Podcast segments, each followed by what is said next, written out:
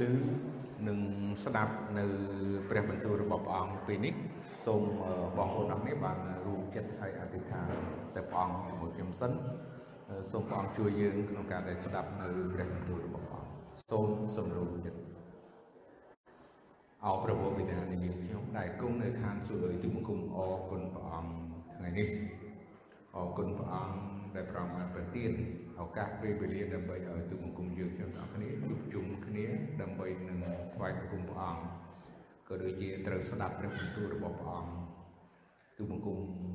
សូមយាមប្រវត្តិមានរបស់ព្រះអង្គបានគង់នៅជាមួយទូបង្គំក្នុងការលើកយកចែកចាយនិយាយអំពីព្រះបន្ទូលរបស់ព្រះអង្គសម្រាប់ដល់បងប្អូនពុទ្ធជំនុំរាជរបស់ព្រះអង្គជាមរបស់ព្រះអង្គ ដែលត្រូវការអាហារខាងព្រលឹងវិញ្ញាណអបអង្គហើយលើកលែងតែព្រះអង្គលើកលែងតែព្រះបន្ទូលលើកលែងតែព្រះវិញ្ញាណបរិសុទ្ធរបស់ព្រះអង្គជួយការទាំងអស់នេះមិនមែនដោយគំនិតប្រាជ្ញារបស់មនុស្សតែសូមដោយអំណាចព្រះចេស្តាដោយព្រះបន្ទូលនិងព្រះវិញ្ញាណព្រះអង្គជួយគុំគុំត្រូវការព្រះអង្គ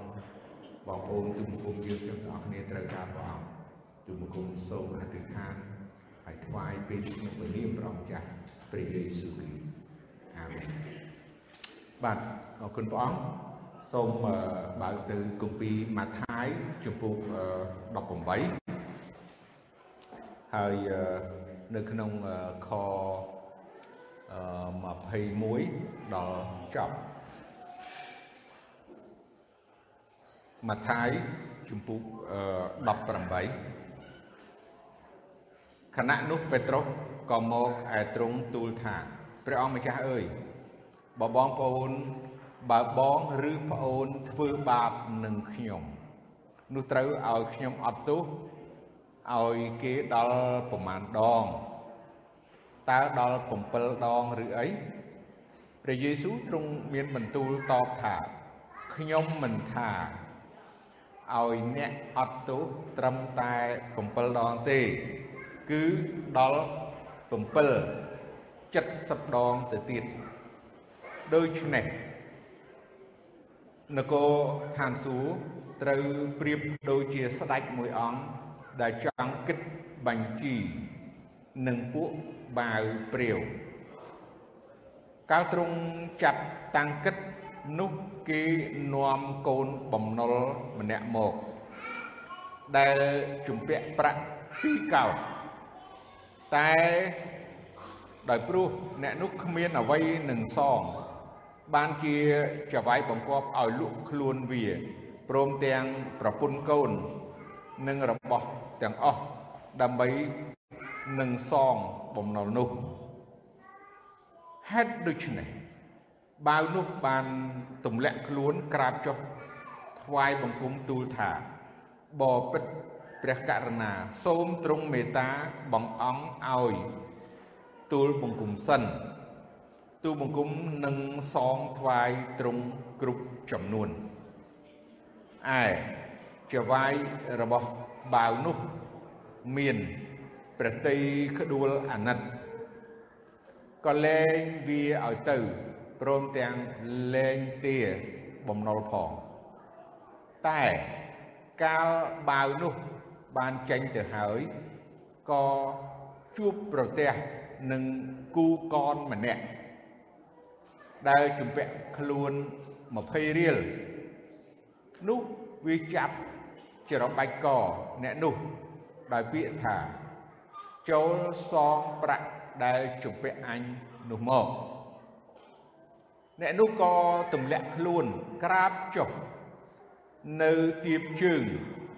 សូមអង្វរថា សូមមេត្តាបងអង្គឲ្យខ្ញុំសិនខ្ញុំនឹងសងជូនអ្នកតែវាមិនព្រមទេ ត្រឡប់ជាបានចាប់អ្នកនោះនាំទៅដាក់គុកវិញទាល់តែបានសងបំណុលរួច កាលពួកគូកនគេបានឃើញការនោះ គេមានចិត្តឈឺឆ្អាលណាស់ក៏នាំគ្នាទៅទូលដល់ចវាយពីការទាំងប៉ុន្មានដែលកើតមកចវាយក៏ឲ្យគេហៅបាវនោះមករួចមានបន្ទូលថាណែអាបំរើអាក្រក់ អញបានលែងទាបំណុលឯងទាំងអស់ហើយតើពីព្រោះឯងបានអង្វរដល់អញដូច្នេះតើមិនគួរឲ្យឯងអាណិតមេត្តាដល់គូកនឯងដូចជាអញបានអាណិតមេត្តាដល់ឯងដែរទេឬអីចវាយក៏មានសេចក្តីក្រោធហើយ បញ្ជូនវាទៅឯមេភូឃុំទាល់តែបានសងបំណុលនោះគ្រប់ចំនួនយ៉ាងនោះបើអ្នករាល់គ្នាមិនអត់ទោសការរំលងរបស់បងប្អូនដោយស្ម័គ្រពីចិត្តទេនោះព្រះវរបិតានៃខ្ញុំដែលគង់នៅឋានសួគ៌ទ្រង់ក៏មិន ក៏នឹងប្រព្រឹត្តនឹងអ្នករាល់គ្នាដូចនោះដែរបាទបើយើងឃើញព្រះបន្ទូលរបស់ព្រះអង្គពេលនេះតកតងទៅនឹងការអត់ទោសបាបណាយើងចំណុចសំខាន់សាច់រឿងទាំងមូលដែលព្រះអង្គព្រះយេស៊ូវលើកឡើងអំពីចវាយហើយនឹងអំពីកូនបំណុលហើយ ជំពាក់លុយជំពាក់ប្រាក់ដល់ចវាយហើយដោយកូនបំណុលនោះបានអង្វរទៅហើយចវាយនោះក៏មិនទាគេថាលើកលែងឲ្យរួចខ្លួនហើយប្រាក់នេះច្រើនមែនតែនបាទនេះថាពីរកោតច្រើនណាស់ច្រើនមែនតែនមកអញ្ចឹងរួចហើយអញ្ចឹងអ្នកហ្នឹងក៏បានមានសេរីភាពហើយអ្នកហ្នឹងបានរួចខ្លួនមិនសងបំណុលដល់ចវាយប៉ុន្តែនៅពេលដែលអ្នកនោះបានទៅដល់ផ្ទះហើយទៅនៅជួបគូកនម្នាក់ដែលជំពាក់គាត់តែ20រៀលហើយពេលនោះគាត់ក៏ចាប់ក្បួនណាក៏អាវហើយទៀមទាឲ្យអ្នកនោះសងអីទាំងអស់ហ្នឹង ណាបើយើងនិយាយស្រួលយល់ហើយបើមិនសងទេ គឺនឹងយកទៅដាក់គុកហើយអ្នកនោះសុំអង្វរមិនក៏អត់ព្រមដែរក៏យកអឺយកគាត់យកមិត្តភ័ក្ដិហ្នឹងណាគូកនគាត់ហ្នឹងយកទៅដាក់គុកអញ្ចឹងមានគេយកដំណឹងហ្នឹងទៅប្រាប់ចវាយហើយចវាយក៏អាក់អន់ហើយខឹងនឹងអ្នកបំរើនឹងដែលមានគំនិតអាក្រក់ មិនចេះអព្យាស្រ័យឬក៏មិនចេះអត់ទោសដល់គូកនរបស់គាត់ដែលជំពាក់តែ20រៀលហើយខ្លួនគាត់វិញធ្លាប់ជំពាក់រហូតដល់12កោតឯណោះឥឡូវនេះចវាយមានកំហឹងខឹងហើយនឹងមិនសប្បាយចិត្តដោយចាប់អឺអ្នកនឹងយកទៅដាក់គុកវិញណាដើម្បីឲ្យបានសងនៅបំណុល ដល់ចវាយអញ្ចឹងនេះគឺជារឿងដែលព្រះអង្គព្រះយេស៊ូវលើកឧទាហរណ៍តកតងទៅនឹងអ្នកដែលយើងជឿព្រះអង្គអ្នកដែលព្រះអង្គបានលើកលែងទោសអត់ទោសអំពើបាបរបស់យើងដែលយើងមានទាំងអំបាលមាននោះគឺថាយើងបានរួចទោស ដោយសារព្រះគុណរបស់ព្រះអង្គព្រះយេស៊ូវអញ្ចឹងអ្នកដែលជឿព្រះអង្គនោះគឺព្រះអង្គបានរាប់គេថាជាអត់មានទោសព្រោះដោយទ្រង់បានលើកលែងដូចជាជពាក់អញ្ចឹងលើកលែងមិនបាច់សងទេរួចខ្លួនអញ្ចឹងទៅអញ្ចឹងអំពើបាបទាំងប្រមាណដែលមនុស្សយើងមានទាំងអំបាមានោះគឺព្រះ បានអត់ទោសការអត់ទោសដែលព្រះអង្គបង្រៀនដល់គ្រីស្ទៀនទាំងអស់ដល់អ្នកជឿព្រះអង្គទាំងអស់ដដែលដដែលរឿងនេះកើតឡើងក្នុងជីវិតប្រចាំថ្ងៃរបស់យើងគ្រប់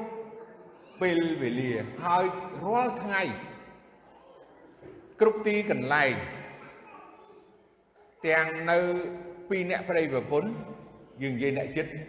ទាំងកូនដែលនៅចិត្តទៀតទាំងឪពុកម្ដាយក៏នៅចិត្តទៀតទាំងអ្នកដែលធ្វើការជាមួយគ្នាទៀតទាំងអ្នកនៅឆ្ងាយណាមិនមែនជាសាច់ញាតិរបស់យើងណាអ្នកដតីក្តីដែលតែងតែធ្វើខុសឬក៏ធ្វើបាបនៅមកយើង ជាបន្តបន្តអញ្ចឹងសេចក្តីបង្រៀនព្រះបន្ទូលរបស់ព្រះអង្គមិនមែនគ្រាន់តែមានបន្ទូលទេមិនមែនគ្រាន់តែឧទាហរណ៍ទេប៉ុន្តែយើងមើលទង្វើដែលព្រះអង្គព្រះយេស៊ូវទ្រង់បានអនុវត្តផ្ទាល់អង្គទ្រង់តែម្ដងតើព្រះអង្គអនុវត្តប្រព្រឹត្តដោយអង្គទ្រង់ផ្ទាល់ដោយម្ដេច បើយើងឃើញនៅក្នុងអឺគម្ពីរលូកាជំពូក23ហើយខ34នោះនៅពេលដែលព្រះអង្គត្រូវគេចាប់យកទៅឆ្កាងហើយព្រះអង្គមានបន្ទូលថាអោព្រះវរបិតាឲ្យសូមអត់ទោសដល់អស់ពួកគេដែលកំពុងតែធ្វើគេអត់ដឹងអីទេគេអត់ដឹងអីទេ សូមអត់ទោសដល់គេយើងមើលព្រះអង្គមិនមែនគ្រាន់តែមានតែទ្រឹស្ដីហើយអត់ព្រះអង្គទ្រង់មិនអនុវត្តនោះទេមិនមែនទេនេះជាគំរូនេះជាមេរៀនដែលយើងទាំងអស់គ្នាត្រូវតែប្រព្រឹត្តចងចាំគ្រប់ពេលគ្រប់វេលារាល់បញ្ហាកំហុសខុសឆ្គង ដែលកើតឡើងយើងយើងឃើញជុំវិញយើងលោកីយើងហៅថាលោកីអ្នកមិនជឿព្រះជុំវិញយើងក្រៅពីក្រុមជំនុំអ្នកជឿព្រះអង្គយើងហៅថាពួកលោកីពួកលោកីយ៉ាងម៉េចប៉ះដៃយកដៃប៉ះជើងយកជើងទាំងប្តីប្រពន្ធទាំងកូនទាំងអ្នកចិត្តខាង ទាំងមនុស្សដទៃរឿងខ្លះមិនមិនគួរមិនសមហេតុសមផលនឹងធ្វើលោកីគេធ្វើគេលើកដៃវាយប្រពន្ធគេលើកជើងទាត់កូន គេលើកដៃទះកំភ្លៀងមនុស្សដទៃទៀតគ្រប់បែបយ៉ាងហើយគេតគ្នាវិញហើយគេសងសឹកគ្នាណាសងសឹកមិនមែនសងសឹកធម្មតាយើងដឹងហើយគេសងសឹកដោយអំពើហិង្សានិងប្រដាប់អាវុធក៏មានដបងកបិតផ្គាក់កថៅយ៉ាងណា រឿងគ្រប់បែបយ៉ាងដោយសារអ្វីដោយសារតែគេរស់នៅក្នុងស្រីងងឹតហើយគេអត់មានសេចក្តីបង្រៀនណា នៅក្នុងជីវិតរបស់គេ ពីការអត់ទោសពីការលើកលែងទោសពីការមិនប្រកាន់ទោសនេះហើយអញ្ចឹងយើងព្រះអង្គហៅថា អ្នករាល់គ្នាជាពន្លឺនៃលោកីពន្លឺលោកី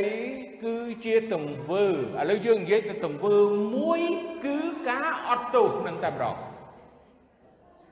ការអត់ទោសជាទង្វើមួយជាពន្លឺមួយដែលចង់បង្ហាញទៅលោកីទៅអ្នកដែលមិនជឿពិសេសទៀតគឺសម្រាប់ខ្លួនយើងហើយ សម្រាប់ខ្លួនយើងគឺជាអ្នកដែលស្ដាប់បង្គាប់ហើយធ្វើតាមបន្ទូលរបស់ព្រះអង្គនេះហើយជាជំនឿដែលយើងជឿព្រះអង្គហើយយើងត្រូវតែត្រូវតែធ្វើរឿងហ្នឹងត្រូវតែធ្វើឲ្យបានព្រោះយើងឃើញថានេះជារឿងធំដែលគេធ្វើគុតព្រះអង្គព្រះអង្គមានបន្ទូលថាសូមអត់សូមអបប្រវោវិដាសូមអត់ទោសដល់គេបើយើងឃើញនៅរឿងលោកស្តេផានទៀត នៅនៅក្នុងគម្ពីរកិច្ចការចំពោះ7ខ60ចុងក្រោយថាអបប្រវោវិដាសូមអត់ទោសដល់ពួកគេទាំងអស់គ្នានៅពេលដែលមុននឹងគាត់ស្លាប់គេចោលគាត់នឹងថ្មណារួមទាំងសាវកពលរួមដៃជាមួយទៀតនៅក្នុងហ្នឹងហើយគាត់បានស្រែកបន្លឺថាសូម ព្រះអង្គអើយសូមអត់ទោសដល់គេអូនេះជារឿងមួយមិនស្រួលធ្វើទេមិនស្រួលធ្វើក្នុងការអត់ទោសដល់ថាអញ្ចឹងហើយប៉ុន្តែស្តេផានគាត់ពេញដោយព្រះវិញ្ញាណបរិសុទ្ធអញ្ចឹងគាត់មិនបានប្រកាន់ទោសដល់គេហើយអឺ នៅតែសូមឲ្យព្រះអត់ទោសដល់គេមើលនៅក្នុងគម្ពីរម៉ាថាយជំពូក6យើងយើងទន្ទិញរាល់តែអាទិត្យតកតងទៅនឹងសេចក្តីអធិដ្ឋានរបស់ព្រះអង្គម្ចាស់ដែលសូមអត់ទោសសេចក្តីកំហុស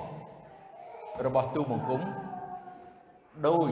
ជាទូបង្គំបានអត់ទោសដល់អស់អ្នកដែលធ្វើខុសនឹងទូបង្គំដែរឥឡូវយើងមើលខនឹងបន្តទៅទៀតណានៅខដែលបន្ទាប់នឹងទៀតណាថានៅក្នុងខ14ថាបិទបើអ្នករាល់គ្នាអត់ទោសចំពោះការរំលងច្បាប់ ដែលមនុស្សលោកប្រព្រឹត្តធ្វើនោះ ប្រពោបៃតានៃអ្នកដែលគង់នៅឋានសួគ៌ទ្រង់នឹងអត់ទោសឲ្យអ្នករាល់គ្នាដែរតែបើអ្នករាល់គ្នាមិនអត់ទោសចំពោះការរំលងច្បាប់ឲ្យគេទេនោះប្រវោបិតានៃអ្នកទ្រង់ក៏មិនអត់ទោសចំពោះការរំលងច្បាប់ដែល អ្នករាល់គ្នា ប្រព្រឹត្តធ្វើដែរយើងមើលមនុស្សលោកមិនមែនសំដៅតែយើងអ្នកជឿដូចគ្នាទេឃើញទេសំដៅទូទៅនឹងតែម្ដងណាព្រះអង្គសេចក្តីបង្រៀនរបស់ព្រះអង្គដែលចង់ឲ្យអ្នកដែលជឿព្រះអង្គទាំងបាមានោះគឺត្រូវតែត្រូវតែត្រូវតែត្រូវតែ អត់ទោសអត់ទោសពាក្យថាអត់ទោសមិនប្រកាន់ទោសហេតុអីព្រោះព្រះក៏មិនប្រកាន់ទោសហើយនឹងអត់ទោសដល់យើងដែរហើយយើងម្នាក់ម្នាក់ថាអូធ្វើអត់បានម្នាក់ម្នាក់ថាពិបាកធ្វើការដែលយើង ប្រើភាសាហ្នឹងការដែលយើងមិនមិនអត់ទោសឲ្យគេនោះយើងត្រូវចាំព្រះបន្ទូលព្រះអង្គថាព្រះអង្គក៏មិនអត់ទោសយើងដែរព្រះអង្គក៏នឹងដាក់ទោសយើងដែរនឹងព្រះអង្គដាក់ទោសយ៉ាងម៉េចដល់យើងប៉ុន្តែព្រះអង្គនឹងដាក់ទោសយើងវិញព្រោះយើងអត់អត់ព្រមអត់ទោសឲ្យគេនេះជារឿងមួយដែលយើងត្រូវតែប្រកាន់ខ្ជាប់ហើយត្រូវតែលឺហើយលឺទៀតហើយត្រូវតែចាំហើយចាំទៀតណា ចាំហើយចាំទៀតហើយយើងត្រូវការលឺជាញឹកញាប់ហើយនឹងយកទៅអនុវត្តធ្វើតបាន ដើម្បីឲ្យបានជាកូនព្រះដ៏ល្អបំផុតហើយបានជាទីគប់ប្រហតីដល់ព្រះហើយយើងជាអ្នកដែលបានពោព្រោះយើងជាអ្នកដែលស្ដាប់បង្គាប់ព្រះអង្គធ្វើតាមព្រះបន្ទូលព្រះអង្គមានពោហើយខ្ញុំឃើញចំណុចមួយទៀត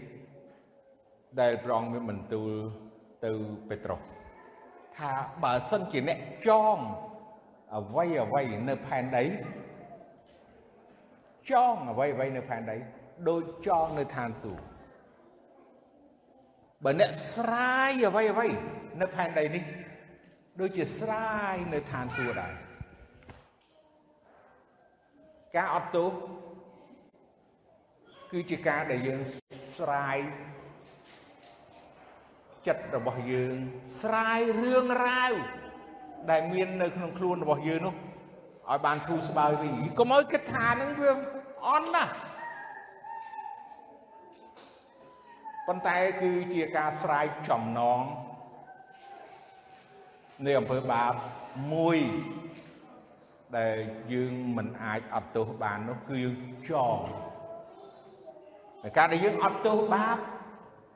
អត់ទោសដល់អ្នកដទៃដែលធ្វើខុសនឹងយើងគឺជាការដែលយើងស្រាយស្រាយចំណងចេញពីជីវិតរបស់យើងហើយយើងក៏ជាអ្នកដែលស្ដាប់បង្គាប់ព្រះហើយស្ដាប់បង្គាប់ព្រះបន្ទូលរបស់ព្រះអង្គហើយស្រឡាញ់ព្រះអង្គដែរនេះជាវិន័យរបស់ព្រះអង្គយើងចង់និយាយថានេះគឺជាបញ្ញត្តិវិន័យរបស់ព្រះអង្គ ព្រោះព្រះអង្គព្រះយេស៊ូវជាតួណាជាតួអង្គដែលយាងមកផែនដីនេះណា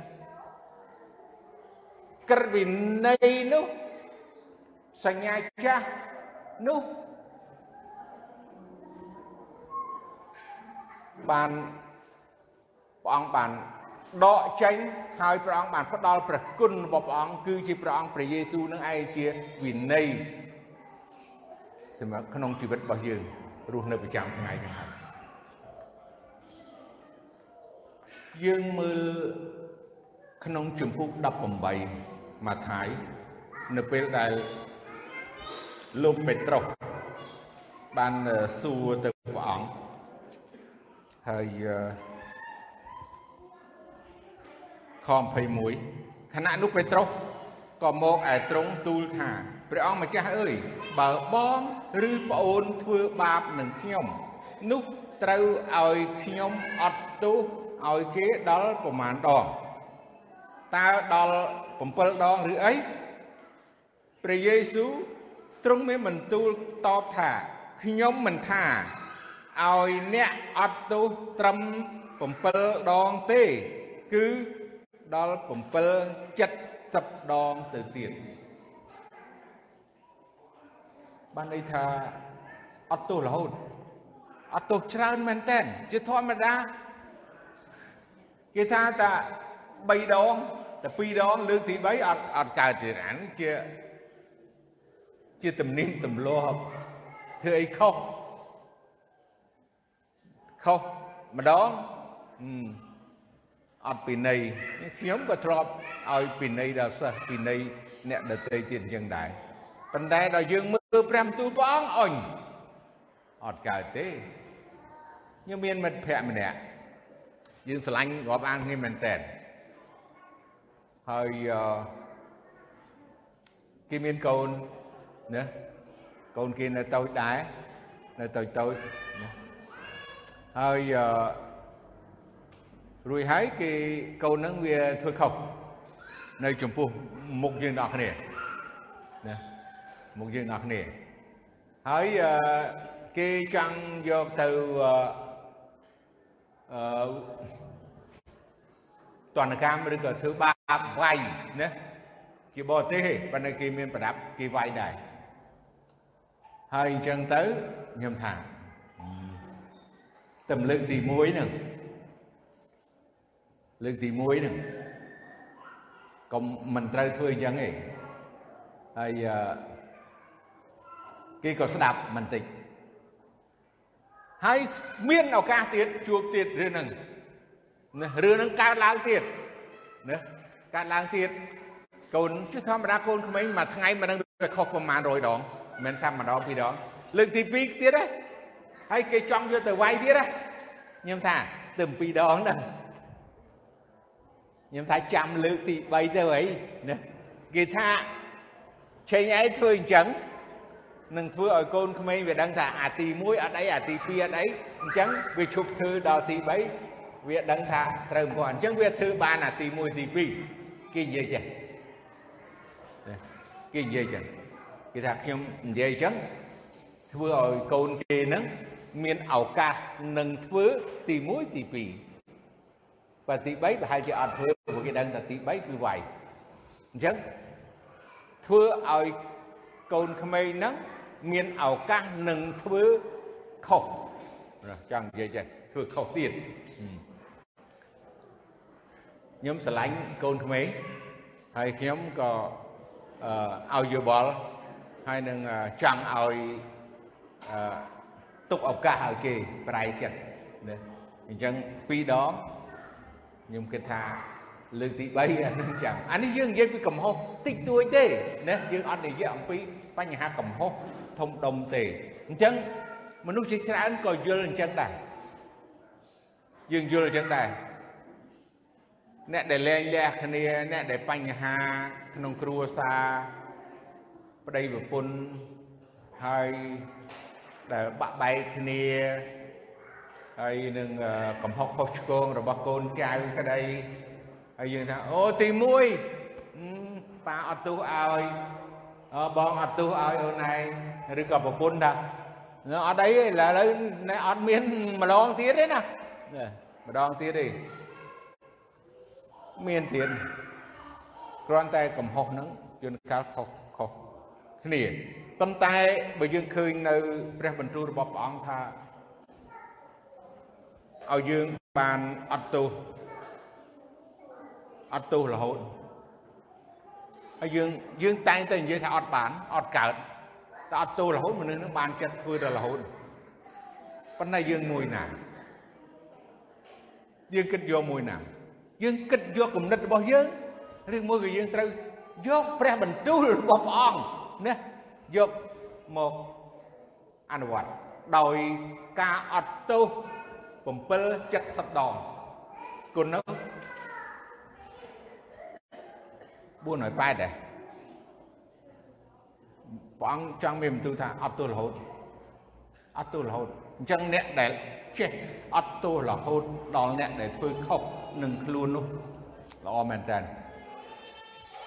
number 1ណាបាទល្អល្អពិសេសហ្មងខ្ញុំសូមសរសើរហើយខ្ញុំក៏សូមរៀនតាមដែរ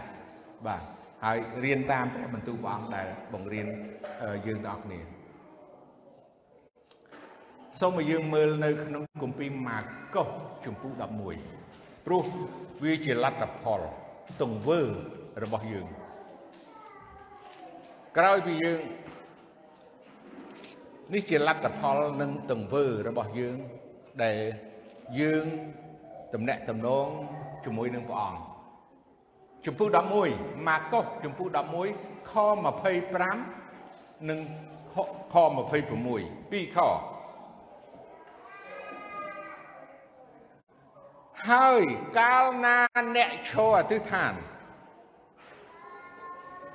បើអ្នកមានហេតុអ្វីនឹងអ្នកណា នោះត្រូវអត់ទោសឲ្យគេសិនដើម្បីឲ្យព្រះវរបិតានៃអ្នករាល់គ្នាដែលគង់នៅឋានសួគ៌បានអត់ទោស គ្រប់ទាំងសេចក្តីកំហុសរបស់អ្នករាល់គ្នាដែរតែបើអ្នករាល់គ្នាមិនអត់ទោសទេនោះព្រះវរបិតានៃអ្នករាល់នៅអ្នកដែលគង់នៅឋានសួគ៌ទ្រង់មិនអត់ទោសសេចក្តីកំហុសរបស់អ្នករាល់គ្នាដែរ នេះគឺជាទង្វើនៃលទ្ធផលមិនបានខ្ញុំនិយាយពីថាលទ្ធផល នៅពេលដែលយើងអធិដ្ឋានទៅព្រះអង្គនៅពេលដែលយើងយកដង្វាយទៅថ្វាយទៅព្រះអង្គបើសិនសញ្ញាចាស់នៅពេលដែលយើងអធិដ្ឋានទៅព្រះអង្គតើព្រះអង្គសពហាតីស្ដាប់ឆ្លើយសេចក្តីអធិដ្ឋានរបស់យើង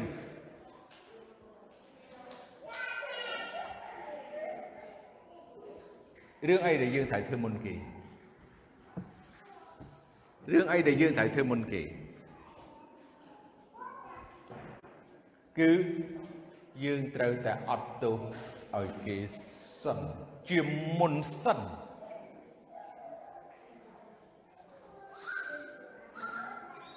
នោះសេចក្តីអធិដ្ឋាន ដែលយើងអធិដ្ឋានព្រះអង្គនឹងឆ្លើយ នេះជាកលឹះមួយសំខាន់ខ្ញុំបងប្អូនអរគ្នាត្រូវតែត្រូវតែយល់ដឹងត្រូវតែចងចាំព្រោះវាមានសារៈសំខាន់ខ្លាំងណាស់បើយើងអធិដ្ឋានក្នុងមួយថ្ងៃ3ដងមួយថ្ងៃ5ដងមួយថ្ងៃ7ដងហើយយើងអត់យើងអត់បានអត់ទោសដល់អ្នកដែលធ្វើខុសនឹងយើងយើងត្រឡប់ទៅវិញ តើដូចម្ដេចរឿងនោះនេះព្រះបន្ទូលព្រះអង្គចង់ឲ្យយើងកូនរបស់ព្រះអង្គគ្រីស្ទានទាំងអស់រស់នៅដោយជីវិតមួយខុសប្លែកពីលោកីមែនកន្លែងហ្នឹងហើយដែលហៅថាជាពន្លឺនៃលោកី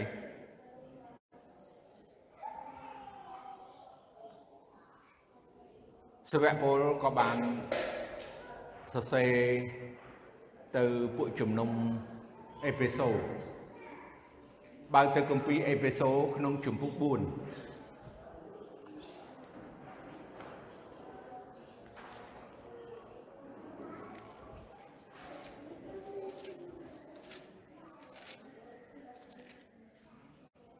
នៅក្នុងខ32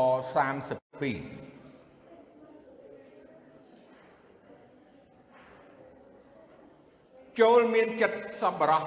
នឹងគ្នាទៅវិញទៅមកព្រមទាំងមានចិត្តទុនសន្តោស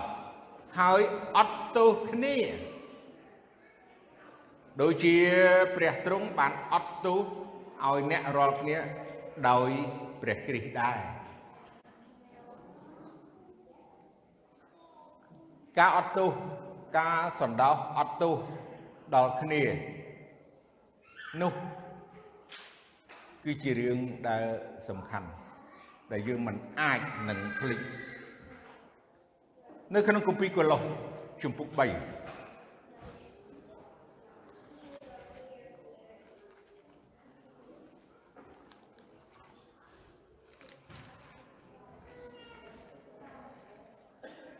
ក្នុងខ13ហើយ ទ្រាំទ្រគ្នាទាំងអត់ទោសទៅវិញទៅមកបើអ្នកណាមានហេតុទាស់នឹងអ្នកណានោះចូលអត់ទោសឲ្យគេចុះដូចជាព្រះគ្រីស្ទបានអត់ទោសឲ្យអ្នករាល់គ្នាដែរសម្បត្តិទាំងពីររបស់សាវកពលក៏មានសម្បត្តិលោកយ៉ាកុបដែរ នៅពេលដែលទៅអធិដ្ឋានអ្នកដែលមានជំងឺឬក៏អ្នកដែលមានជំងឺណាហើយឲ្យលន់តួទោសគ្នាទៅវិញទៅមកដែរអញ្ចឹងការអត់ទោសដល់គ្នាទៅវិញទៅមកជារឿងចាំបាច់បំផុតដែលព្រះទ្រង់សពហាតី ឲ្យកូនរបស់ព្រះអង្គរៀនឲ្យកូនរបស់ព្រះអង្គអនុវត្តឲ្យកូនរបស់ព្រះអង្គចេះបន្ទាបខ្លួនហើយនឹងអសុខចិត្តគេថាចុះចាញ់សុខចិត្តចុះចាញ់សុខចិត្តចុះចាញ់ដោយអត់ទោសសុខចិត្តអត់ទោស ហើយការអត់ទោសនេះយើងដឹងអឺពេលខ្លះយើងអាចនឹងធ្វើដោយទឹកភ្នែកដោយលំបាកមិនមែនជារឿងស្រួលទេបាទត្រូវហើយមិនមែនស្រួលទេអ្នកណាថាស្រួលអត់ស្រួលទេហើយក៏ជាការដែលដកនៅចិត្តអំនួតរបស់មនុស្សចោលចេញដែរ ព្រោះយើងសុកចិត្តអត់ទោសដល់គេគឺជាការខាតបង់ជាការខាតបង់ដ៏ធំធេងដែរក្នុងការអត់ទោសខាតបង់លុយកាក់ខាតបង់កិត្តិយសខាតបង់